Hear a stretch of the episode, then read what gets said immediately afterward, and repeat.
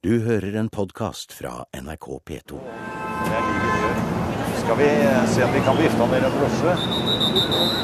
Står noen her? Vi er på vei sydover på Manhattan. Vi skal helt ned på enden, til kaiene og området rundt Battery Park. Så vi strekker ut armen og stopper en taxi. You know Pearl Street? I know the Pearl Street, by the when I take the Brooklyn Bridge exit, this is the Pearl Street. Pearl Street prøver vi å forklare til taxisjåføren. Det er omtrent gamlebyen i New York. Og det var der Ny-Amsterdam lå. Veiviser er Frans Arne Stylgard, kjent for mange som arkeolog, forfatter og fylkeskonservator i Vest-Agder, og nå museumsdirektør for Varanger museum i Finnmark. Nå skriver han bok om historien til de aller første pionerene som kom hit til denne delen av den nye verden. Og vi snakker ikke om immigranter til USA på 1800-tallet. Vi skal mye lenger tilbake i tid. Vi skal til starten av 1600-tallet. Da gikk de første europeerne i land her utsendt av det nederlandske vestindiske handelskompani. Og blant dem var det en hel del nordmenn, utrolig nok. Og det er sporene etter disse pionerene vi skal lete etter i museum i dag. Nå er vi fem meter fra havnefronten, tror jeg, eller kanskje 10 eller 15, der som eh, Manhattan eh, egentlig slutta. Og der lå det ei husrekke helt ned mot, mot uh, havna og bryggene. Og den er den som heter Pearl Street i dag. Og der står vi nå. Og det er, det er jo en gate som på, skiller seg veldig fra, fra gater flest på Manhattan. Da. For her er det krokete, og det er som du sier selvgrodd. Og tror du det kan følge omtrent det rutenettet som var her eh, før? Ja, det gjør det. Uh, veldig endringene, endringene her inne i gamle Ny-Amsterdam er, eh, er, eh, litt på tomtegrenser. De er blitt større, men ikke alle. Sånn de som De jeg peker på nå, ja. de er rett bak oss. De er, eh, de er antagelig sånn som de så ut på 1630-40-tallet. Ikke sant? Ikke bygningene, men tomtene. Nettopp. Vi går litt inn på siden her, for det er byggearbeider og kjøring og store sånne snutelastebiler og alt mulig som foregår, og et hav av gule drosjer, selvfølgelig. Vi står her i krysset mellom Broad Street og Pearl Street. Broad Street, det var, har du fortalt, en kanal? Ja, på, på 1650-tallet så var det kanaler i Ny-Amsterdam. Mest fordi det var en ble regna for å være en fin måte å å laste og losse datidas skip på. Men, men, helt sikkert også litt fordi, eh, fordi, den som da var kolonidirektør, eh, Petrus eh, han var, han var veldig, veldig opptatt av at dette skulle være Nederland, og at det skulle, være, det skulle ligne på Amsterdam. Det skulle bokstavelig talt være et nytt Amsterdam. Og da måtte du ha kanaler. Her kunne man kanskje støte på folk på 1600-tallet som hadde forstått norsk? Det ville man garantert ha gjort. Her, her, her bodde egentlig skandinaver, og kanskje særlig nordmenn, på, på rekke og rad i, i ja, la oss si rundt 1650. Når, når, når Ny-Amsterdam var på sitt, på sitt største og rikeste. Sorry. ok, ja. Her står det en gruppe. Altså, her står 1700- og 1800-talls bygårder i tre, og ja, den har faktisk fem etasjer, men er ikke veldig høy. Og så er det kjempe, kjempehøye skyskrapere tett inntil. Går rett opp. Noe, det er ikke noe forsøk på tilpasning engang. Men det er ganske det er eksotisk, men det er ganske fascinerende. Og det er ganske fint, og det er ganske intakt. Han karen som står og prater om, om Francis Tavern, han prater om 1770- og 1780-åra og starten på det selvstendige USA. Og slutten på det britiske. Men vi skal jo før det britiske også, vi. Vi skal helt tilbake til Ikke til begynnelsen, for her hadde det bodd folk i mange tusen år før det igjen, men vi skal jo tilbake til den hollandske perioden. når dette som vi nå står i, altså sydspissen av Manhattan, het Ny-Amsterdam og var en hollandsk utpost. En bitte liten uh, Altså sentrum i en bitte liten og sett med datidas øyne ikke veldig viktig koloni. Ja, hvor, hvor, mange kunne det være snakk om som bodde her bak eh, si, festningsverkene her og inni denne lille byen, da? Det varierer, og det blir ganske mange etter hvert. Men fra, fra, fra, de første kolonistene kommer over, og det var eh, hugenotter, de første. Altså de var franskmenn. Uh, det kom noen titalls familier av de i 1624, og så kommer det hummer og kanari. Hollendere flest, selvsagt. Altså flest hollendere, men, men uh, nordmenn, dansker, noen svensker mange tyskere, eh, noen engelskmenn, flere franskmenn. Antagelig var det så enkelt at det var en god del nordmenn her fordi det var ustyrtelig mange nordmenn i Nederlandene, og i, særlig i Amsterdam på 1600-tallet. Um, mange, mange tusen. Særlig fra uh, Sørlandet, Agderfylkene, særlig Vest-Agder. Og de um, Jeg tror det egentlig er så enkelt at fordi det var mange nordmenn i Amsterdam, så ble det en god del faktisk nordmenn også i Ny-Amsterdam. Og noen av disse nordmennene som kom fra Amsterdam til Ny-Amsterdam eh, her på Manhattan, de slo seg ned i denne gaten som vi altså går i nå, eh, Pearl Street. Og rett der nede, nå åpner det seg noe mellom skyskraperne her, så ser vi ut i eh, der ferjene går ut til Frihetsstatuen og Ellis Island. I denne gaten, som vi faktisk ser litt av her, Frans Arne. Når vi ser her nå, for vi har kommet frem til her en slags arkeologisk utgravning under glass her, med et fint rekkverk rundt. Her får vi en ørlite, kanskje glimt i huskonstruksjoner og andre ting. Her, ja. Slutten av 1600-tallet. Ja, det er det. Så her er vi kanskje på noe av det aller eldste. Se, 1667 så her har de gravd seg ned. Så her kan de faktisk se litt, eh, Frans Arne. Å si Den perioden vi snakker om. Den handelskolonien som det nederlandske vestindiske kompani etablerte. Først og fremst for å kjøpe store mengder beverskinn fra indianerne. Strakte seg langt oppover Hudson River, som de den gangen kalte North River. Helt opp til stedet der elva ikke er så farbar for større fartøyer lenger, og hvor bare indianerkanoer kan fortsette. Bevervik kalte de det stedet, eller egentlig både Fort Nassau og Fort Orange. I dag heter det Albany og er hovedstaden i staten New York.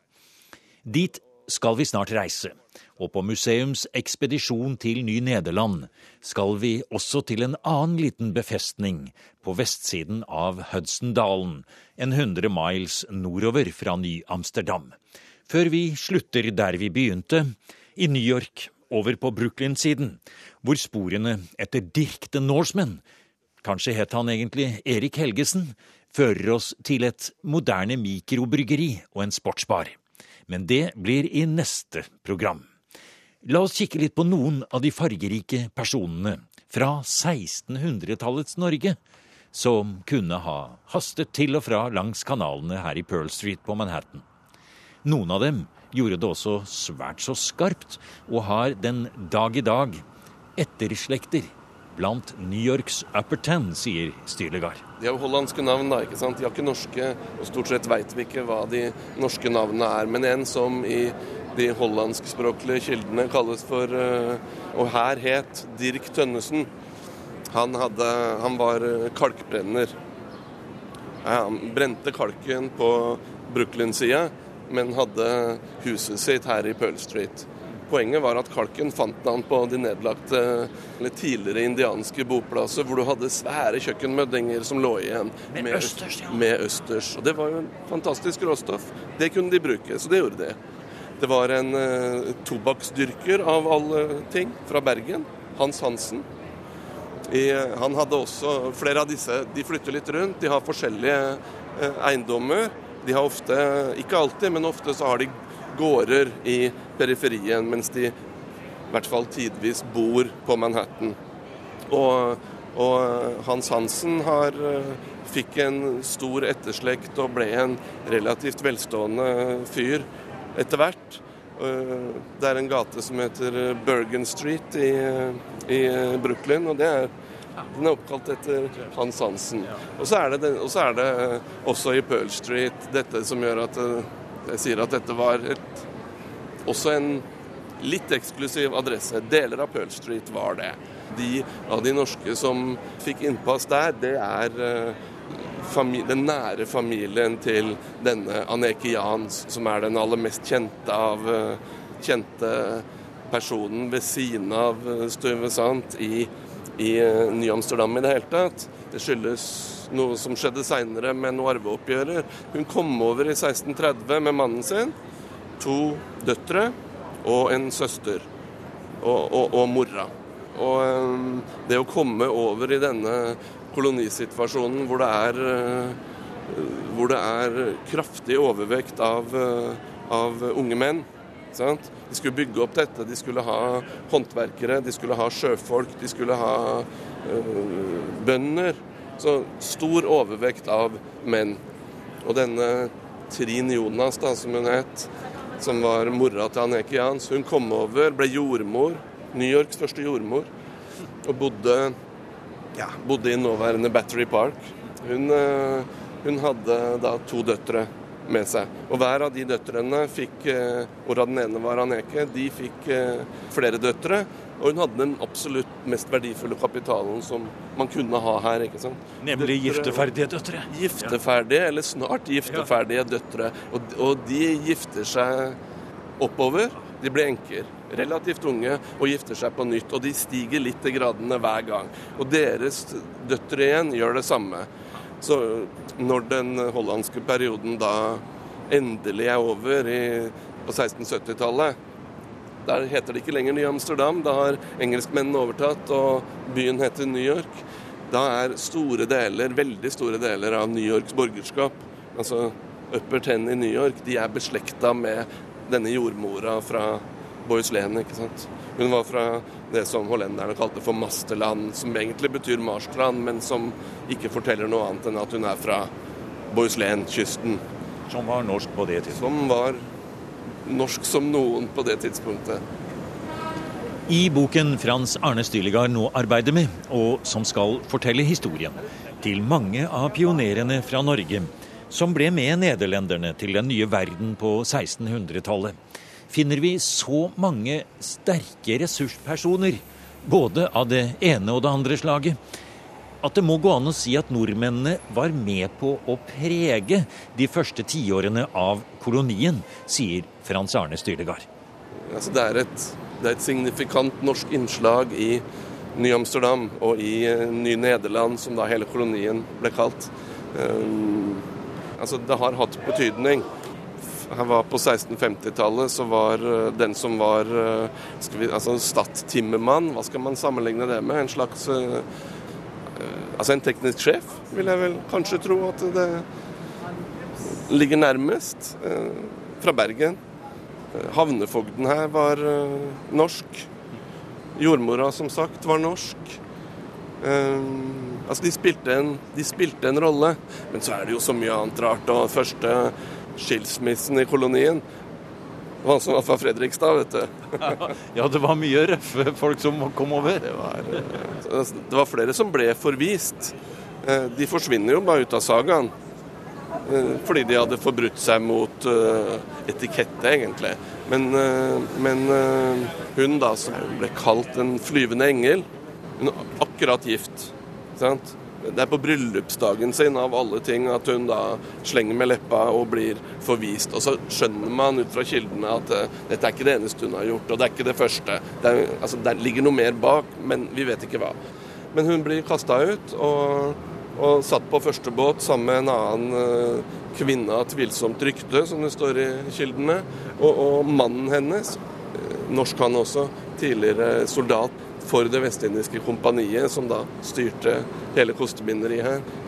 Han selger huset sitt, selger businessen, og skynder seg over til Amsterdam for å få henne tilbake igjen. Og det klarer han, da, og det er veldig, veldig spesielt. Vi vet ikke hvordan, men et halvt år etter så er uh, alt tilgitt.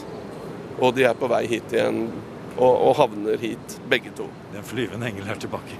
Ja. Men de blir ikke da i Ny-Amsterdam, de flytter uh, lenger oppover uh, elva.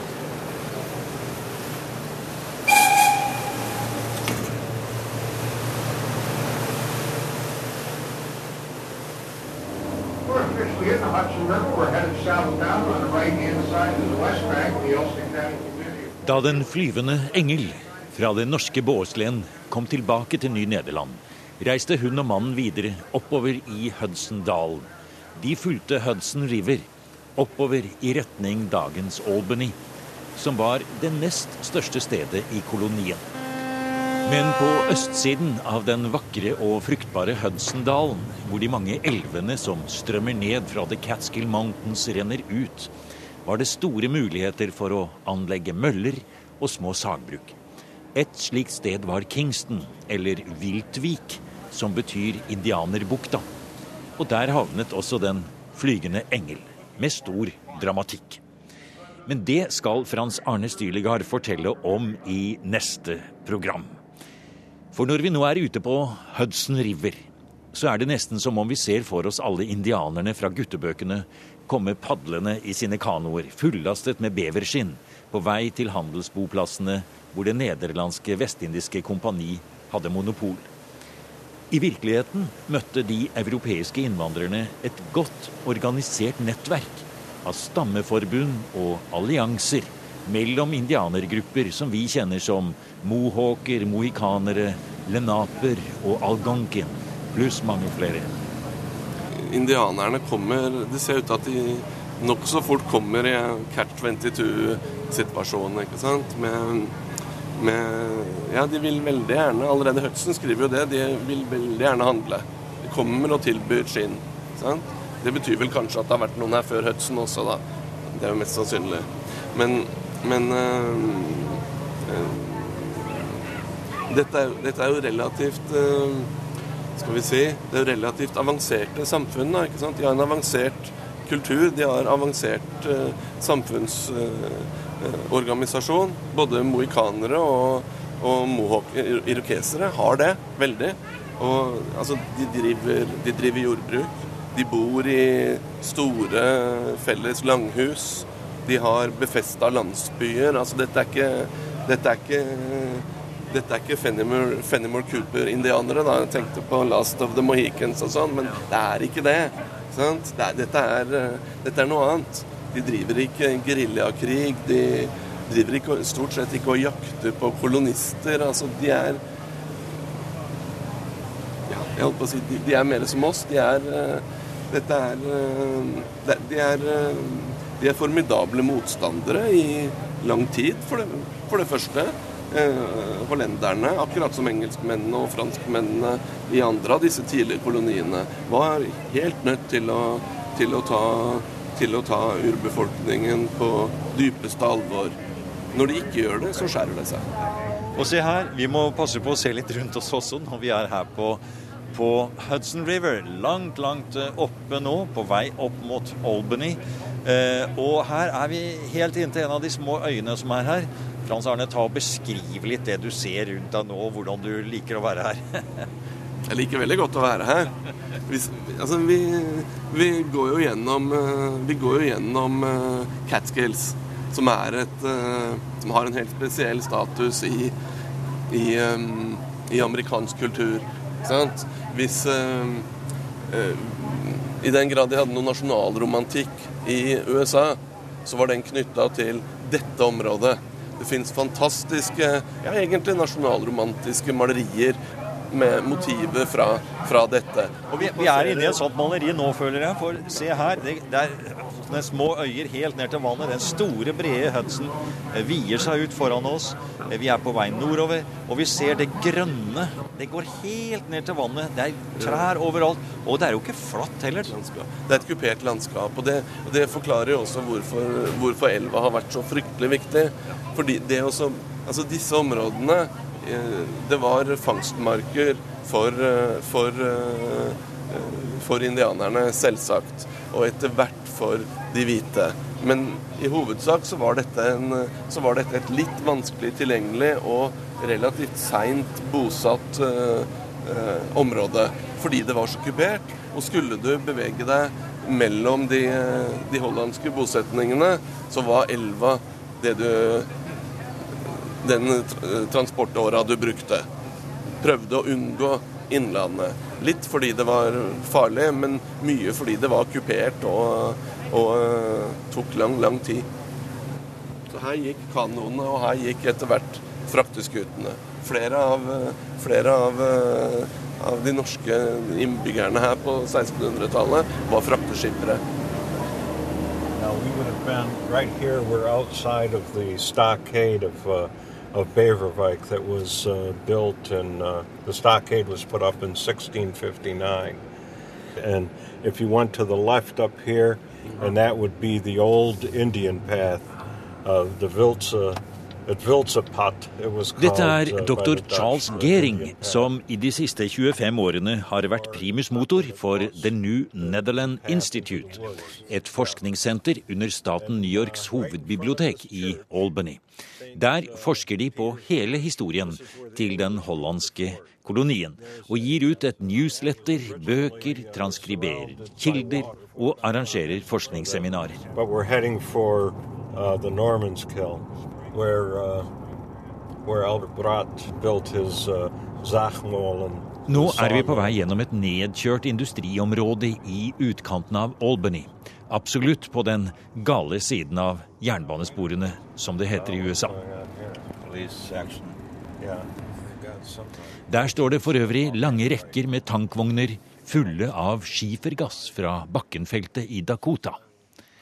Gering tar oss med til et sted som fortsatt heter Nordmannsbekken, Normanskill, oppkalt etter en av de norske pionerene som bygde et sagbruk her på 1600-tallet. Look at Frans Arne now. He's running over there. He's yeah. eager to see Norman's Kill. The Dutch come uh, to visit me once in a while and they'll say, What's this Norman's Kill? Did a Norman get killed there? And I said, No, kill means estuary. And here they brought that word over and adopted it and adapted it to mean stream or any kind of waterway. So you get kills all over the place. There are only two left in the Netherlands that I know of Dordtse and Snijskill in Zeeland. And otherwise, it's not an active uh, word anymore. And it was probably here that uh, Kriekenbeek, a commander of Fort Orange in 1626, was ambushed by the Mohawks and killed along with three of his soldiers, caused a lot of turmoil in the trade network here. Uh, the Dutch had to move all of their uh, civilians, all of the settlers out of the area. The Mohawks allowed them to keep soldiers in the fort, and that was it. And they continued to trade, but it was a long time before they trusted them again because they said that we thought you were our friends and uh, you turned against us. And uh, so this is a very significant area. A lot of uh, history happened here, not only with uh, Brat, uh, Andris, uh, and or Albert Brat uh, building a sawmill here, but also uh, as a trade route and as probably a, a, a battlefield, an ambush site.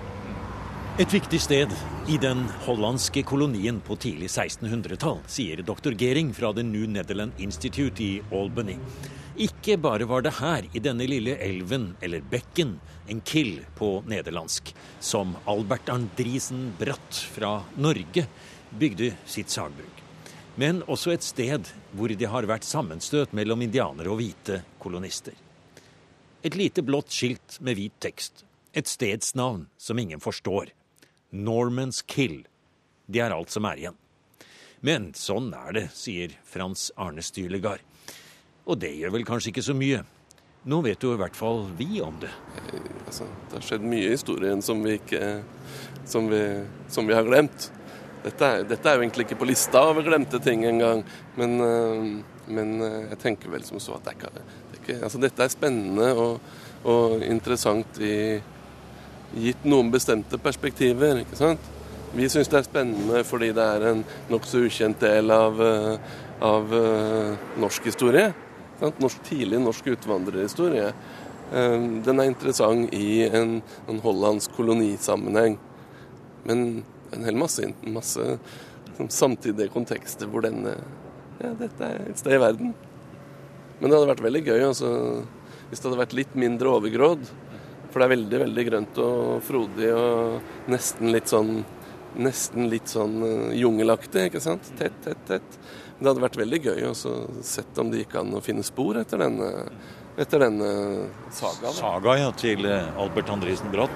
As you can see, this is a very active uh, waterway here, and if there was anything left along the banks, it would have been uh, washed away long ago.